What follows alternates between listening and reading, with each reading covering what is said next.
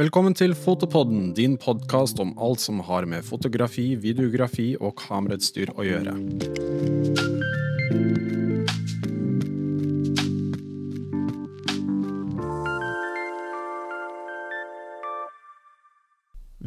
Har en spennende gjest med oss i dag, som har jobbet som fotojournalist i over 20 år. Han har reist verden rundt og dokumentert bl.a. isolerte samfunn, mennesker som tror det er Jesus, og livet i Russland. Han har jobbet hos National Geographic, hatt flere utstillinger og vunnet mange priser. Velkommen eh, fra Nesodden, Jonas Bendiksen.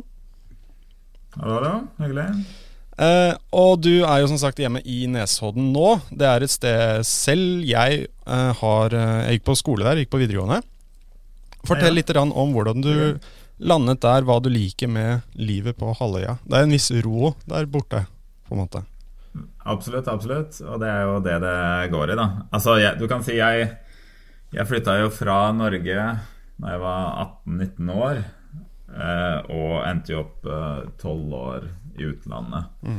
Eh, I London, og så i Russland, Moskva, og så syv år i New York. Og, og det var jo veldig bra og veldig eh, på en måte Det er jo i den perioden jeg ble fotograf, og det var mye spenning. Og, og, og jeg likte jo veldig å være i På en måte midt i, i smørøyet der hvor all energien var i den perioden. Men så tror jeg jeg nådde et punkt. Jeg tror ikke jeg skjønte det da, men i ettertid eh, skjønte jeg jo at jeg nådde et punkt hvor eh, det begynte å tære litt da, på kreativiteten og eh, Det er et eller annet når du sitter midt i klynga, liksom overalt rundt deg har du folk som hele tida produserer og kommer tilbake fra steder med nye fantastiske greier, og så blir liksom det der sammenligningsracet blir ganske eh, i mitt hele forstyrrende. da Og så fant jo vi ut at vi skulle flytte til Norge i 2007 leide et sted i Oslo et år, og da kjente jo ikke jeg byen i det hele tatt. Da sykla jeg rundt med kart i lomma, jeg visste ikke hvor Blindern eller Grünerløkka eller noe var. Jeg var altså helt sånn eh, Jeg hadde jo aldri tilbrakt noe tid i Oslo som voksen. Eh, og så måtte vi finne et sted å bo, fordi sønnen skulle begynne på skole neste år. Og, og så kikka vi rundt, og så fant vi eh, Hørte vi da om et sted som het Nesodden, fordi akkurat da skulle Espen Rasmussen eh, fra VG eh, flytte hit. Så var jeg og besøkte han på kontoret, og så viste jeg jeg skal flytte til Nesodden. Hvor er det hen? Åssen kom han seg dit? Jo, med båten. Ok, det må vi sjekke ut. Og så var vi og så, så Det var det. Og det som er greia for meg, er jo at jeg er jo endt opp med å på en måte være ganske lokal her, da. Altså, jeg jeg, når jeg, jeg reiser jo rundt i jobb fortsatt. eh, eller ville jo normalt gjort det. Kanskje ikke akkurat nå. Nei, ikke nå. Men, men, eh, men det er på en måte den Det er så mye stimuli, og det er så mye Man har jo fortsatt adrenalinkick når man er ute. Og, og det å komme tilbake til et rolig sted hvor jeg kan tenke og fundere, eh, det er blitt bare veldig viktig for meg. Det uten det så, så hadde jeg ikke klart å holde på en måte inspirasjonen og kreativiteten oppe, tror jeg. Jeg blir fort eh, liksom utmatta om jeg skal sitte der og liksom midt i blant mye folk hele tida. Så jeg har jo også hatt hjemmekontor alene i 20 år. Trives godt med det. Så jeg, jeg, jeg trenger liksom virkelig den isolasjonen like mye som jeg trenger uh, den energien når jeg er ute. Ja, men altså, jeg merka at kreative mennesker generelt trenger det for å liksom stimulere og for å ha, komme på nye ideer, og ikke at det alltid skal være noe som skjer hele tiden. Uh, det er noe eh, som jeg også merker sånn uh, ja, I hvert fall i siste setter mye mer pris på. da Det å ha en ettermiddag, For- det å ha en helg uten, uten noe særlige planer, er egentlig litt, litt deilig. Ja, men det er også, jeg er litt sånn skjør sånn uh, I prosessen også så er det sånn at jeg uh, gjerne Når jeg setter i gang nye prosjekter, så er det jo gjerne sånn at jeg liker å holde på med det litt sånn i eh, ensomhet Mm. mens jeg former ideen. Og så merker jeg at jeg er veldig skjør og jeg, ikke sant? Noen folk Alle er jo forskjellige. Noen folk er jo sånn at de Noen kreative mennesker er jo sånn at de, de får masse energi og inspirasjon av å snakke om alle ideer og innfall de har med andre. ikke sant? Ja. Høre hva de tenker om det, få innspill, ok, så samler det i huset. Altså, noen folk blir jo mer produktive av det. Ja. Ikke sant? Andre blir jo mindre, eh, sånn som meg sjøl, tror jeg. Eh, Jeg blir jo gjerne litt sånn at hvis jeg har en idé som er liksom er halvt forma, og, og så begynner jeg å snakke om den, og så, og så reagerer ikke du akkurat sånn som Eller du blir kanskje ikke gira akkurat de tinga. Og så begynner jeg da å tvile. ikke sant, Var det egentlig noe interessant? Og så har jeg lært at eh, det, den prosessen er så skjør at det er best å liksom bare holde på litt sjøl. Og så er jeg sånn at jeg trenger masse andre ting. Jeg er ikke sånn som kan leve og, og spise og drikke og puste fotografi 365 dager i året og 24 timer i døgnet. Jeg kjenner masse folk som er sånn. De liksom bare de får aldri nok av å holde på med fotografi.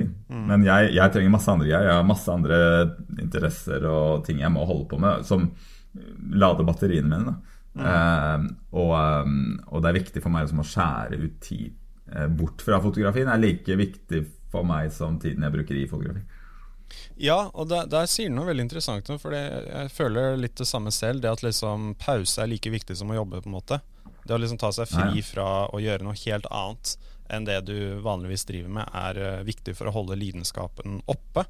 Um, og det er jo jeg tror en frykt veldig mange har, det at liksom den, den lidenskapen, den nysgjerrigheten du har for faget ditt, kan forsvinne plutselig, og ikke komme tilbake igjen. Eh, det er et veldig skjørt eh, Det er noe som er veldig skjørt, og det er viktig da å liksom ta litt fri fra det også. Ja, veldig. veldig. Så får man jo, Jeg får jo de beste ideene mine når jeg står i dusjen eller spiller piano eller Ja, uh, ute og labber i naturen eller eh, løper tur. Eller, altså Det er jo da jeg får ideer. Jeg får jo ikke ideer når jeg sitter her ved dataen min og knoter. Nei. Driver med regnskap, f.eks. Det er ikke da man er mest kreativ. Eh, men eh, ta oss eh, litt tilbake, da. På, la oss eh, starte på starten. Hvordan du kom i gang. Du begynte med fotografi som ungdom, eller også så at du også var en periode i London og i Bristol og litt, eh, reiste litt rundt omkring. Fortell litt om hvordan du begynte, hvor eh, fascinasjonen og nysgjerrigheten kom fra. Nei, altså jeg Fotografi begynte jo for meg da jeg var 14-15 år, tror jeg. Eh, Oppdaga pappa sitt slags speilreflekskamera som lå nedstøva i et eh, skap hjemme. Og så begynte jeg fikle med. Jeg er jo sånn som liker å fikle med ting. ikke sant? Altså, Hva er det her for noe? Liksom, Hvordan funker det? Og så, så begynte jeg liksom å leke litt med det, og fant noe, sikkert noen filmer og, og putte i det. Og, og så ble jeg liksom grepet av det på en eller annen måte. da, Det med å se verden, stoppe opp og liksom kikke seg ordentlig rundt. Så begynte jeg med det, og så, og så begynte det å Den fascinasjonen begynte å vokse, og så hjalp fatter'n meg med å bygge et lite mørkerom da, på dassen hjemme. Bare sånn det var helt sånn Hadde et stativ som gjorde liksom en Hadde en slags foldeplate som gikk opp sånn at man kunne sette den ned over doen, og så hadde vi liksom forstørreren oppå den, oppå doen, og så liksom hadde vi vasken der, og liksom eh, bretta inn i dusjen. Veldig man, ja, det var så lite, man kunne bare stå sånn liksom, og gjøre alt. Uh, og så var, Da ble jeg skikkelig grepet. Altså den magien ikke sant, som er i det å se disse bildene komme fram i mørket, og kjemikaliene og alkymien og liksom alt det. Eh, det. Det var jo noe som grep taket med veldig. Og så eh, begynte jeg å orientere meg og på en måte lånte fotoblader på bibliotek og bøker de hadde der. Og oppdaga jo tidlig da mange av de store på den tiden dokumentarfotografene ble veldig grepet av akkurat det fordi jeg tror at jeg samtidig var en ungdom som bare hadde sjukt mye rastløshet i meg. og bare Det var jo til og med sånn Vi hadde et kjøkken som hadde en slags åpen kjøkkenløsning. da Man kunne gå igjen, gå rundt det, ikke sant. Og uh, i huset til mamma og pappa der så var det faktisk et spor i uh, parketten som var rett og slett av meg som bare gikk runder rundt og rundt og rundt. Jeg kom hjem fra skolen, og så bare gikk jeg runder. I flere timer ville jeg bare gå rundt og tenke og fundere. Og, og jeg hadde så mye energi i meg, og så var jeg begynte liksom å bli nysgjerrig på hva som var der ute i verden. Og, og det, jeg tror dette med dokumentarfotografi tok tak i meg fordi det var denne ideen om at man kunne være eh, der ute i samfunnet og, og se ting og formidle ting. Man trengte ikke studioer og alt det her. og måte, det, var, det, det, det, det talte til meg på en eller annen måte. Så det var noe som jeg bare fortsatte med mer og mer sånn på videregående tid, og, og begynte å ta all oppmerksomheten min. Og, så når jeg var ferdig med det, så var det jo egentlig mer sånn spørsmål Ok, hva gjør jeg nå? Fortsetter jeg med dette her, eller skal jeg finne meg noe annet å gjøre? Og så, og så ble det jo bare til at jeg tenkte ok, jeg får jo bare fortsette med dette, fordi det er jo dette jeg holder på med, liksom. Og så fant jeg da en, en sånn ettårig kurs, en slags yrkesskolekurs i England, da mm. i Bristol. Eh, som jeg gikk på ett år for å lære liksom, hvordan man framkaller bilder ordentlig. Og litt sånne ting Og så var jeg så heldig å få en, en sånn praktikantplass da, på kontoret på Magnum-kontoret i London. Som eh, var sånn type løpe til postkontoret og lage te og kaffe. Og mm. svare telefonen 'Hallo, Magnum Photos'. Svare på det og lage te og ja, ja, ja. Vite hvordan alle, alle tok teen sin. He helt, eh, helt, nederst på rangstigen. Eh, men det var veldig inspirerende. Da. Det var på en måte den, det året der var jo på mange måter min utdannelse i fotografi. Ja. Eh, fordi en av jobbene mine var å plassere tilbake disse reproprintene som kom tilbake fra magasiner. og sånn. Da var det ikke noe digitalt arkiv. Da var det sånn at Sunday Times trengte bilde av Tony Blair, f.eks. Og så ringte han da til Magnum. Så svarte jeg telefonen. Hallo, hallo. Og så var det den bilderesearcher som gravde fram fem printer av Tony Blair og sendte til magasinet. Og så valgte de en å reprodusere. Og så kom de tilbake i posten. Og så skulle de tilbake i arkivet, og da var det jo et svært fysisk arkiv med hundrevis, om ikke tusenvis av bokser. sant, London, Gul 07, portretter. Ok, da finner vi portrett av Tony Blair. Og så var det min jobb å sette det tilbake i boksen. Og det som var med det, da lærte jeg hele dette arkivet utenat i løpet av det året. Og det, bare den eksponeringa for bredden av måter å tilnærme seg forskjellig Alle fotografene hadde jo sin, tilnærm, sin måte å se på, ikke sant? Sin måte å bevege seg i verden. Eh, jeg kunne se det på alle disse arkivene.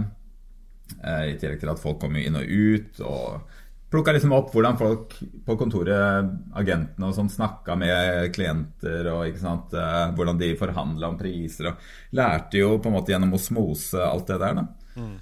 Eh, og, og, det var eh, ekstremt inspirerende, og, og, og eh, egentlig den utdannelsen jeg har. da. Ja, altså Det er veldig interessant det du snakker om der med at um, um, de fleste fotografer som dette var, Når var dette her? Hvilken tidsperiode var det? 90 um, Året på Magnum var vel 97 til 98. Ja. Og siden den gang så har jo altså det fysiske arkivet har jo så å si forsvunnet. Nå er det jo alt digitalt. Um, ja.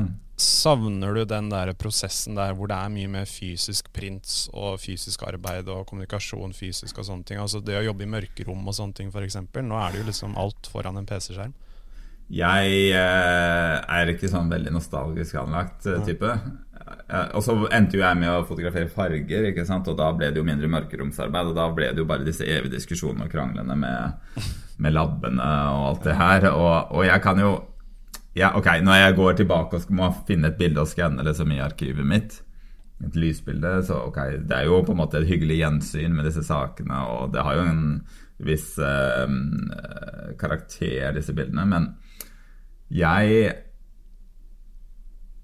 Og jeg registrerer jo at alle 19-åringer som går på fotoskole i dag, de er jo bare interessert i liksom, rare, gamle filmteknikker og mellomformatkameraer. Og det er jo ingen av de som holder på med sånn digitale greier. Det er for gamle gutter, gutter som meg. Uh, så, uh, men, men, for meg jeg, jeg switcha over når den første var det, Canon 5D-en kom i 2005. Det var liksom det første ordentlige kameraet. ikke sant? Mm. Da hoppa jeg over på digital. Og det var rett og slett en befrielse. Ja. Det var en eh, Alle de nostalgitingene som er å Jeg kan gjenkjenne med dette med film, det oppveies for meg av friheten ja. som jeg får gjennom digitale. Fordi da, sla, da slapp jeg alle de mellommennene jeg måtte holde på med. Alle de labbene, alle de kostnadene så, altså nå, Jeg sitter her på Nesodden i mitt studio, som du ikke kan se, for det er her borte. Mm. Eh, og der gjør jeg alt sjøl. Her printer jeg alle mine utstillinger. Her eh, framkaller jeg så å si alt, ikke sant? Alt er digitalt. Så det gir meg en frihet hvor jeg kan holde på å knote og gjøre akkurat sånn som jeg vil. Jeg elsker den friheten. Mm. Det er ikke sikkert jeg, jeg, er kanskje ikke den beste til noen av de tingene. Verken å prosessere mine bilder eller, eller lage utstillingsprinter og alt sånt. Jeg er kanskje ikke best i verden på det, men jeg kan i hvert fall holde på så lenge jeg vil og trenger ikke å drive og bruke andres timelønner på det og sånne ting. Og det er verdi for meg. Ja. Eh, når du snakker om fysiske ting, så, så, jobber jeg jo veldig fysisk. Altså, når jeg holder på med nye prosjekter, er bokdummy på gang her. Og så uh, Jeg har jo en svær sånn uh, gigaprinter her. Sånn hvor jeg lager alle mine utstillinger, ikke sant, som kan printe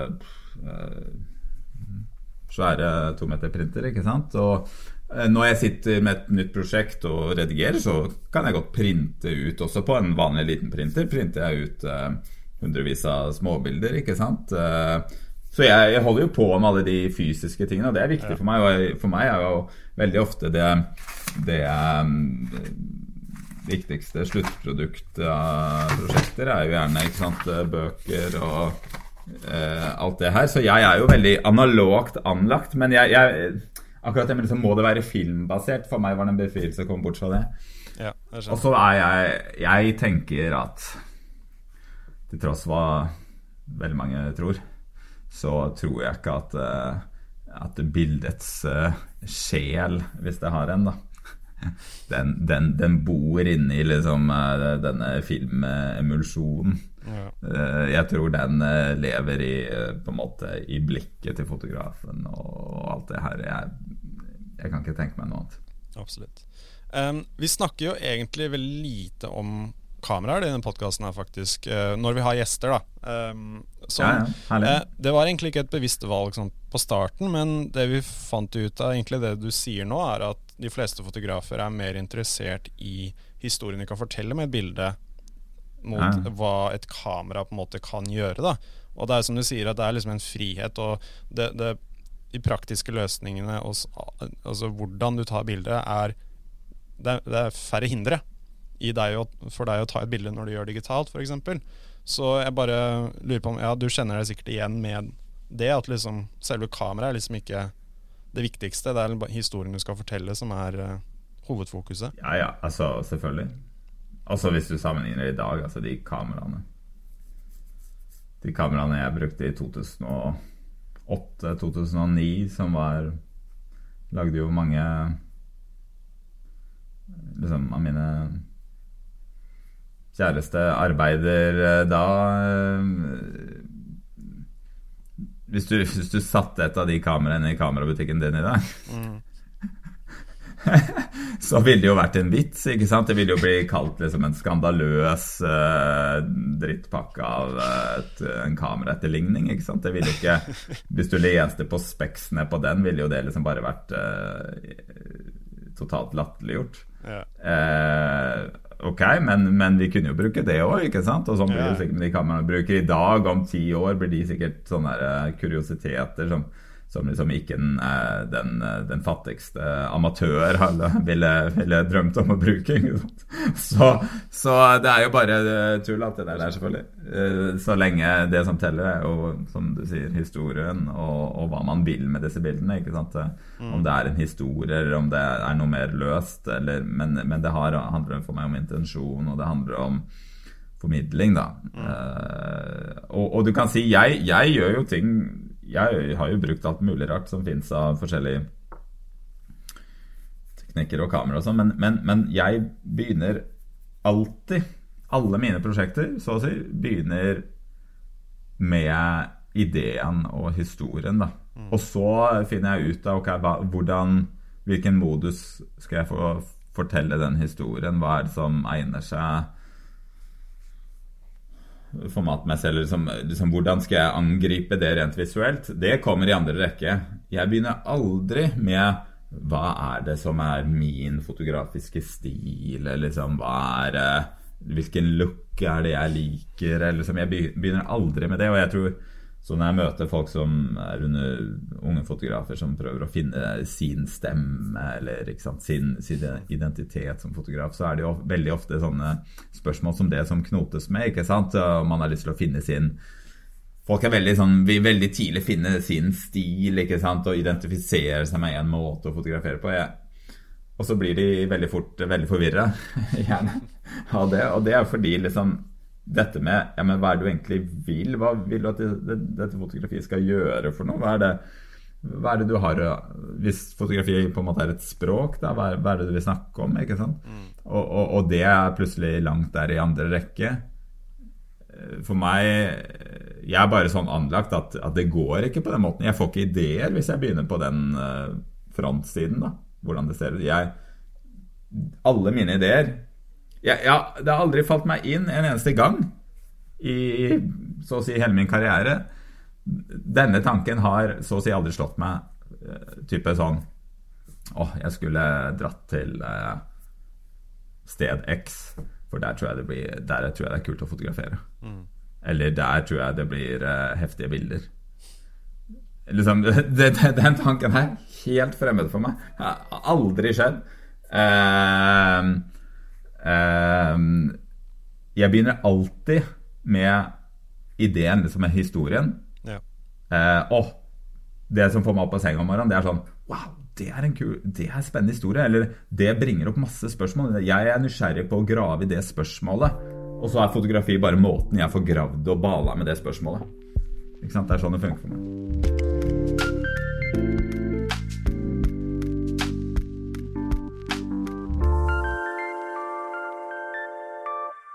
Ja, så når du da finner en Si du finner en historie da som du har er interessert i å, å dekke. Hvordan, hvordan, går det fram da? Si f.eks. det er eh, eh, den personen som eh, De personene du fulgte som tror de er sånn Jesus eh, nyfødt. Eh, hvordan approacher du det, på en måte? Liksom, si, for eksempel så er det noen ganger de ikke kan engelsk engang, eller ikke helt skjønner liksom, hva du skal gjøre, hva formålet er, og sånne ting. Ja, ikke sant. Ja, altså, Det der er jo et godt eksempel. Det, det, der prosjektet kommer jo ut av en slags livslang fascinasjon med tro og mm. religion. Og, og på en måte en, Spørsmålet er hvordan er det å tro? Hva kan man tro på? Hvem er det som bestemmer skillet mellom på en måte tro og galskap? og det, altså, Dette med tro det, det er alltid brakt opp for meg en haug med spørsmål. Mm.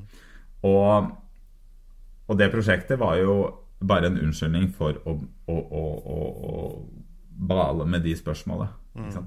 Veldig ofte starter et prosjekt for meg bare med spørsmål. Mm. Det er noe jeg lurer på, jeg er nysgjerrig på. Hvordan er det, eller eh, Ja, så, så, så, det prosjektet der, det, det, det kom på banen for og gir meg en anledning til å utforske de spørsmålene. Så hvordan gikk jeg faktisk fram? Altså Først måtte man jo finne disse folkene, og da var det jo veldig stor grad som Google og mm. Internett. da. Eh, men, eh, men, ja, så er det jo en del som eh, Mange som ikke snakker engelsk og den, den type ting. Hvis jeg drar et sted hvor jeg ikke snakker språket, ja så allierer jeg meg alltid med en oversetter som blir en slags partner i opplegget. Det er på en måte den hjelpen jeg rekrutterer. Da. Det er egentlig ganske sjelden at jeg jobber med en assistent i felten, sånn mm. rent praktisk. Det, det hender jo det. Jeg gjør jo det eh, på en del oppdrag og sånn, men, men, veldig ofte så jobber jeg jo Er jo det viktigste medsammensvorne. Det er jo en den oversetteren, da. Ikke sant? Eh, som er eh, Jeg finner på ulike vis eh, spør kolleger eller organisasjoner eller bare folk som er knytta til den saken jeg holder på med. Så gjelder det å finne bare noen som er veldig hyggelig. Mm. Veldig likende person er liksom uh, hovedjobb, uh, eller kriteriet. Uh, og så blir jo en sosial og likende person. Og da ble jo det på en måte bare noen vi jeg jobber sammen med som et tospann for å deise inn i alle disse sosiale situasjonene som jeg gjerne vil inn i. Jeg tenker aldri på når jeg drar inn i en sånn situasjon, så en, et nytt sted, så, så, prøver jeg aldri tenke sånn Jeg skal ta det og det bildet. Jeg prøver aldri å skissere meg ut i hodet akkurat bildet. Men jeg prøver å tenke ok, hvilke situasjoner er det jeg vil komme opp i, da? Mm. Hvilke situasjoner er det som kan være fruktbare å være i? Eh, og, og, da prøver jeg da å ende opp i de situasjonene som kan være fruktbare. Men er du sånn, litt sånn flue på veggen da, når du, når du ofte tar sånne bilder, eller gir du dem litt regi, eller er det liksom, skal det være veldig uh, autentisk? Nei, altså Det kommer jo helt an på prosjektet, for det første. Ja. Jeg har jo gjort alle mulige ting som uh, Noen uh, prosjekter jeg har gjort, har jeg måttet i veldig stor grad ta regien på. Mm. et eksempel ville jo vært da Steder vi bor, eller Places We Live. Det prosjektet, den andre boka mi som var disse slags panorama 360 graders portrettene av folk i huset sitt. Jeg vet ikke om det kan ses ja. på datamaskinen. Ja. Det er fire vegger, ikke sant. Så her Dette er jo dokumentarfotografi i en høyeste grad, men det er jo, det er jo iscenesatt. Fordi altså, jeg må, hvert av disse bildene av disse hver av disse fire veggene er jo tatt hver for seg. Og liksom når jeg skulle ta bilde av den veggen, så måtte han flytte seg. ikke sant? Og så måtte han sitte der etterpå, og så kom kona inn, og så, ja. og så Noen av de har jo ti personer i seg, og da ble det jo på en måte en, en iscenesettelse, da. Eh, andre prosjekter er jo mer basert på flue på veggen, og mm. noen er jo i siste testamentet, da, det prosjektet om de syv Messiasene, så var det jo en god blanding av de to. For da hadde jeg forskjellige relasjoner til de forskjellige menneskene. Eh, og det, da er jo hvert kapittel, hver av de syv kapitlene Hvert kapittel omhandler da en av disse personene som mener de er Jesus. Noen av de var jeg jo veldig fri og var den klassiske flua på veggen. Og bare situasjonen utfolda seg rundt, og jeg dansa rundt i en eller annen slags koreografi og tok bilder og gjorde ikke så mye ut av meg. I andre situasjoner så var jo jeg mer en slags eh, Ble jo jeg brukt, på en måte, av, av den Messiasen og deres følgere til å formidle hva de ville. ikke sant? Og da lot jeg meg bruke. Mm. Eh, og da iscenesatte jo de i veldig stor grad hva de ville at jeg skulle se. Kom klokka to, så skal vi vise deg ABC og D. Stå her. Eh, så skal vi framføre sånn som vi gjør. Da var det jo mer sånn. Ok, så det er jo en helt annen modus enn, enn noe av det andre. Men da, da ble jeg på en måte det karakteren til Som også sa noe om den personen og det samfunnet, at de liksom hadde streng regi på sitt eget bilde. Da. Ok, så, så ble det sånn. Mm. Og, så, så det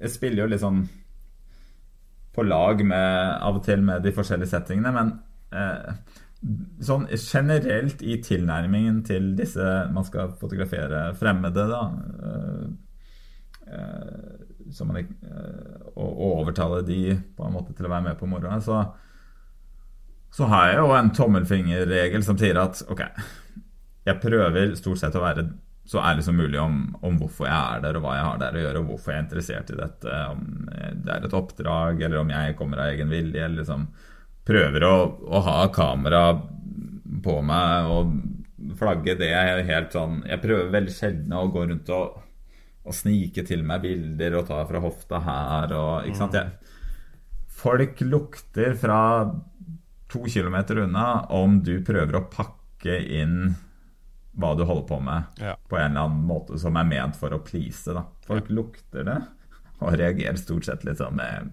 mistenksomhet eller en uro rundt det. Da. Mm. Hvis du heller bare sier 'Hei, jeg er Jonas, jeg er fotograf. Jeg er her fordi jeg vil ta bilder av deg.' Og så direkte som mulig, så er det noe folk klarer å plassere en kontekst på. Da, og da blir det liksom mer avklart.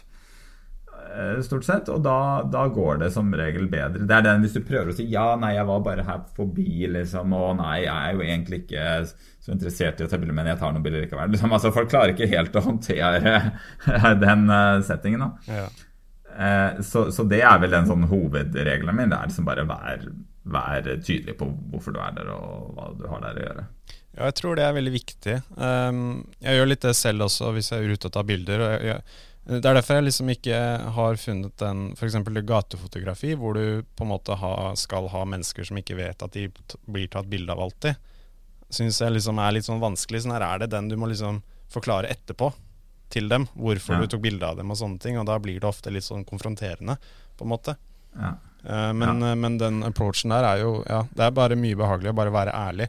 Eh, vi hadde jo f.eks. Um, eh, Jonny Haglund kom innom her, og han sa at han viser jo bilder av familien sin og forteller litt om seg selv og sånne ting før han eh, får dem til å åpne seg, åpne seg opp. da Og på en måte man, man gir litt av seg selv også før, før de skal gi mye av seg selv og fortelle sin historie. Så forteller man sin egen først. Jeg tenker det handler bare om man eh, prøver å være menneske før man er fotograf. på en eller annen måte Ja, At man ja. liksom er, eh, er en eh, person folk kan relatere seg til. Da, og, og gi litt åpenhet, og så får man litt åpenhet. Men det som kan skje, er jo okay, hvis man har en uh, situasjon hvor man skal fotografere på gata, og så, så oppstår det situasjoner, så er det jo eh, ofte at jeg jeg ser det, og så går jeg bort og så begynner jeg å fotografere. Men, men da er det den eh, liksom, liksom nonverbale greia med å ha litt kontakt med hvis folk, når folk ser du kommer, og så har du kamera der, du er, på en måte gjemmer ikke det bort, du tar bilder liksom, mens du sonderer terrenget litt.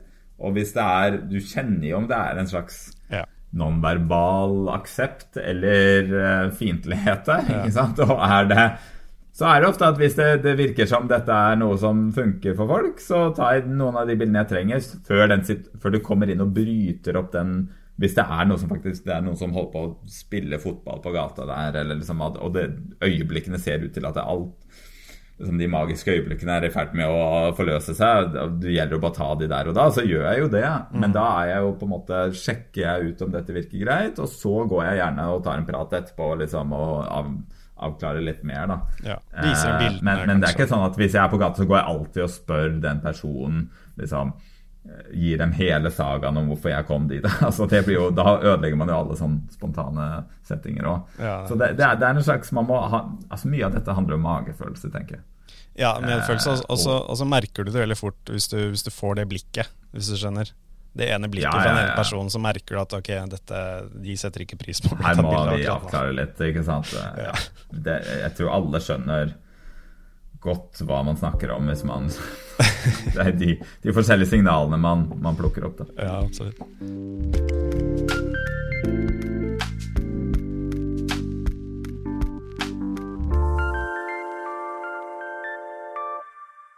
Ja, jeg hørte på, den, eh, jeg hørte på intervjuet ditt fra frilanslivet, hvor du snakket Ja. det om at du har jobbet frilans egentlig hele karrieren din ja. som fotograf. Uh, det virker som deg også at uh, for, altså for både for deg og mange kreative mennesker at det passer Det er veldig fint å jobbe liksom prosjektbasert. da At du ikke trenger å liksom forholde deg til en fast timeplan, svare til en sjef, liksom være at du skal liksom jobbe fra ni til fem, og så er du liksom ferdig etter det.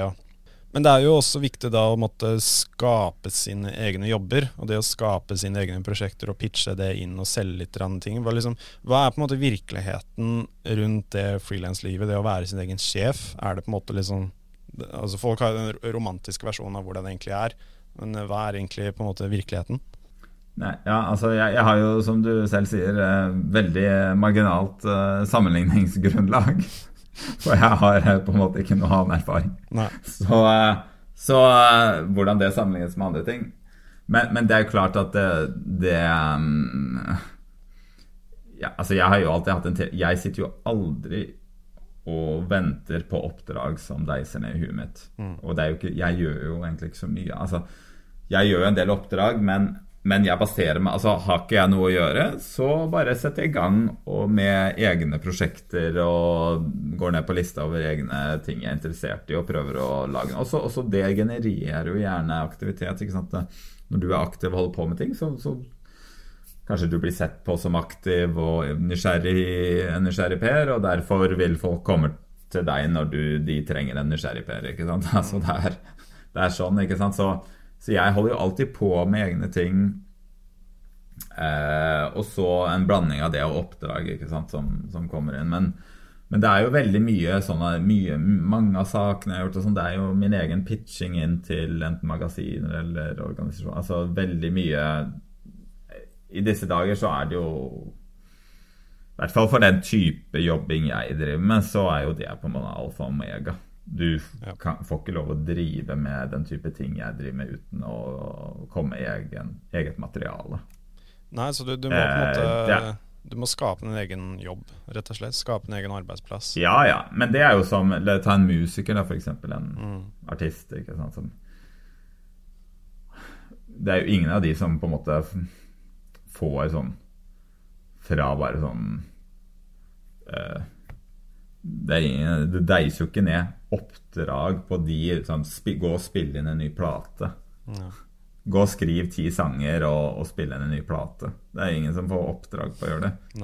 Men de kan jo få spillejobber og henvendelser og sånn når de først skriver de, lager de platene og, og holder på med De ser at de er ute og spiller, og, og folk hører de og på radioen og på konserter og på podkaster og hva nå det er så genererer det Det er veldig sammenlignbart. altså, Man må jo holde på med sine egne prosjekter. Er, jeg, jeg, har jo en sånn tilnærming at Det er sånn jeg pleier ofte å si til uh, yngre fotografer. Sånn, uh, du blir det du gjør.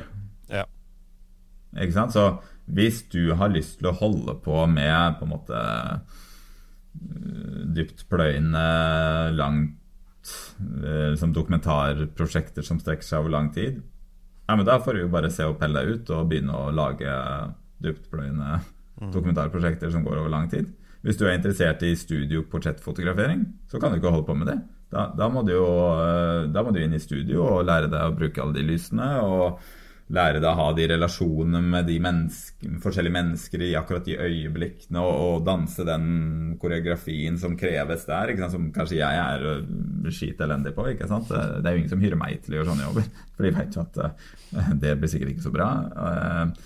Eh, eller det er i hvert fall ikke noe jeg har sånn sjukt mye erfaring med. Og derfor vil jo eh, spare de pengene og bruke det på noen som de veit får eh, resultater. ikke sant? Mm. Så, så hvis du har en drøm om å holde på med en viss type ting, landskapsfotografi i fjellene, ja, men da må du, da må opp i fjellene og ta en landskapsbilde. Mm. Eh, og, og så, så du, må, du, må, du, må, Det nytter ikke å, å sitte her og si nei jeg får bare oppdrag for å holde på med sånne ting, men det jeg egentlig har lyst på, det er å, å få oppdrag på å gjøre sånne ting. Men, men, ja, men, holder du på med de prosjektene som ligner på det, da? Nei, nei, jeg venter på oppdragene. Det funker jo ikke. Ikke sant? Så det er jo en logikk i det. Altså, Det er jo veldig sjelden at det er noen som kommer til å pushe deg i riktig retning, men det er ingen som kommer til å hindre deg å gå den riktige retningen heller, som du ønsker. Eh, så det er jo ja. veldig opp til deg selv. Og en av de tingene jeg liker veldig godt med å liksom jobbe med altså fotografer og kreative mennesker, og sånne ting, det er veldig fellesnevneren for alle sammen at de har jo en enorm lidenskap for det de driver med, og det er det som driver dem. Så det er veldig vanskelig å hindre dem, og prøve å stoppe dem i å drive, drive med det de har lyst til å gjøre. Altså Det går nesten ikke. Det er jo litt sånn jeg tenker at, at uh, Det er jo veldig godt sagt, egentlig. Altså på en måte Hvis jeg ser på de jeg kjenner som har klart seg, da. Mm. Og lagd et liv ut av dette, så er det jo folk som er litt sånn ustoppelige. De, de venter jo ikke, de tar jo ikke nei for nei, og de Jeg gikk det ikke på den måten, så får jeg prøve på en annen måte. Ja. Og sånn er det jo. altså Vi lever jo i en verden hvor det, det er jo ikke noe mangel på fotografer. Det er jo ikke det som er problemet her i verden. Eller mangel på bildetagning. Altså, det var kanskje problemet på 30-tallet. Ikke sant? Da, da var jo problemet at vi visste jo ikke hvordan noen ting så ut. Og det var så få folk som klarte å ta bilder og framkalle de på en adekvat måte. og visste liksom hvordan de skulle sette sammen det. Det var liksom vanskelig å få til alt det. Det var dyrt, det var vanskelig. Liksom. Så da var jo problemet at vi hadde for lite bilder. Ja. Nå er jo problemet det stikk motsatte. Vi har jo altfor mye bilder. Altfor mange fotografer.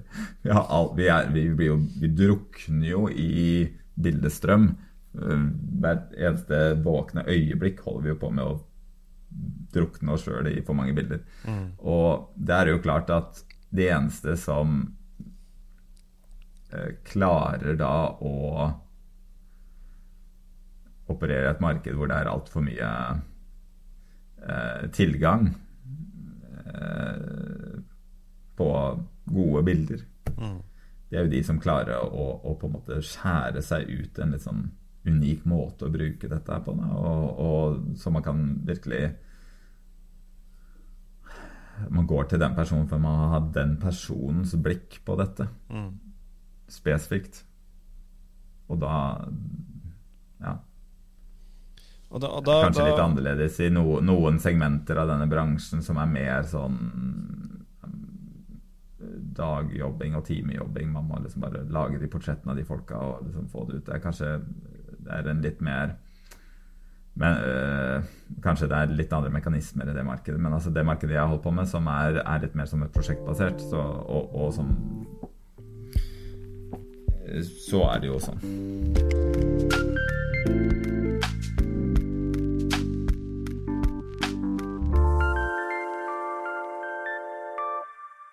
Du har jo holdt på som fotograf nå ganske lenge, men hva er på en måte Hva vil du si, for å oppsummere, da, den største forskjellen i bransjen fra du begynte til nå? Altså det har jo liksom Hvis du ser bort fra det siste året nå, da, selvfølgelig, men eh, hva er liksom den største forskjellen da, fra du Mm. begynte? Det har jo, som du sier, tilgjengelighet av bra utstyr og flere fotografer har gjort det kanskje eh, litt mer eh, enklere for folk å ta bilder, men fordi det er flere fotografer, så har det kanskje blitt litt vanskeligere. Ja, nei, det er jo akkurat de tinga der. Så altså, jeg er jo eh, Jeg ser jo nå tilbake Jeg husker jo de dager jeg ble liksom omtalt som en sånn ung fotograf. Men det er ingen som kaller meg det lenger nå. Nå må, jeg, nå må jeg sitte og snakke om liksom det gammelgubbesperspektivet. Det er litt, litt sårt, det hele, kjenner jeg. Men, men hvis jeg Nei, altså, jeg starta jo i liksom eh, Jeg kom inn i dette i slutten av Du kan si den analoge gullalderen, da. Ikke sant? Altså, jeg kom jo inn i dette rett før eh, digitalt fotografi var noe som faktisk noen brukte i det hele tatt. Jeg husker jeg eh, Det året jeg var praktikant på Magnum-kontoret, det var året Magnum som organisasjon fikk sin første e-postadresse, som ingen brukte, men den fantes. liksom, Det var sånn post at Magnum fotos. Uh, ingen visste jo hva de skulle bruke det til, ikke sant. Men uh, så, så alt var all, Kjørereglene da var jo helt annerledes, ikke sant, og produksjonsmetoden var helt annerledes. Og da var det jo fortsatt et snev av dette at du måtte faktisk Du måtte faktisk kunne liksom et slags basic håndverk for å bare kunne produsere enkle bilder. Altså Du måtte kunne eksponere den filmen. Liksom en lysbildfilm det var faktisk ganske vanskelig å eksponere riktig. Et halvt, uh, en halv blenderåpning for mye, så var det bildet ødelagt. Det var liksom alle de prosessene der. Uh, og, og da var det jo fortsatt den slags eksklusiviteten rundt produksjonen der uh, som gjaldt. Ikke sant? Som du, du satt på noe andre ikke kunne. Ikke sant? Å produsere noe som ligna på den tingen vi tradisjonelt kaller et godt bilde. Eh, om det er et godt bilde eller ikke, det er en helt annen podkastepisode. Men, eh, men, eh, men, vi veit alle hva vi snakker om når vi snakker om et bilde som liksom har alle, ja, ligner, ligner, på det vi kaller et godt bilde. Eh, det var litt sånn vanskelig å lage. Nå er jo ikke sant, vi, vi, som sagt, vi drukner jo i, i, i ting som ligner på det vi kaller et godt bilde. Um, kanskje de er gode bilder, for alt jeg vet. Det kan være. Det er blitt vanskeligere og vanskeligere å skjønne seg på hva som er et godt og et dårlig bilde. men Men Og så er det med I den mediekulturen vi lever i nå, hvor det er så mye fokus på ens eget bilde og dette med å, liksom, å være med i den bildestrømmen og Instagram. Og all, ikke bare er alle fotografer på et vis, da, men alle vil også være fotografer. Jeg, altså, sånn, ungdommen i dag, man leser jo avisa, de, de vil jo bare være sånn mediekonsulenter og YouTube-stjerner og fotografer. Ikke sant? Sånne tulleyrker. De vil jo ikke være ordentlige ting som, som er nyttig. Eh, og, og mange av de kan jo produsere det som ser ut som gode bilder, ikke sant, og alt det her. Men eh, jeg tenker jo sånn at de som arver fotografiet heretter, hvor dette er blitt så, såpass allemannseie at hvem som helst kan det er faktisk ikke de som er nødvendigvis best på å lage den greia som ser ut som gode bilder. Men det er de som har de gode ideene.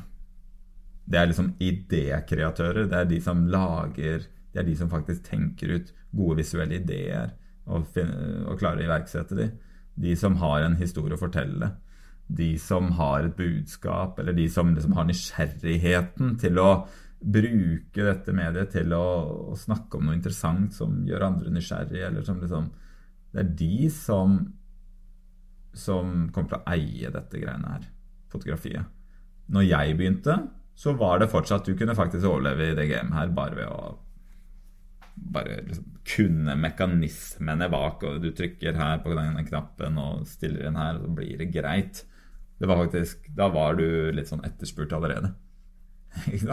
sånn er det ikke lenger, tenker jeg. Jeg er, eh, jeg er, veldig enig med deg eh, i akkurat det. At det er idéskaperne som, som du sier, som uh, historien kommer først, og så kommer det tekniske etterpå. Ikke andre vei, på en måte.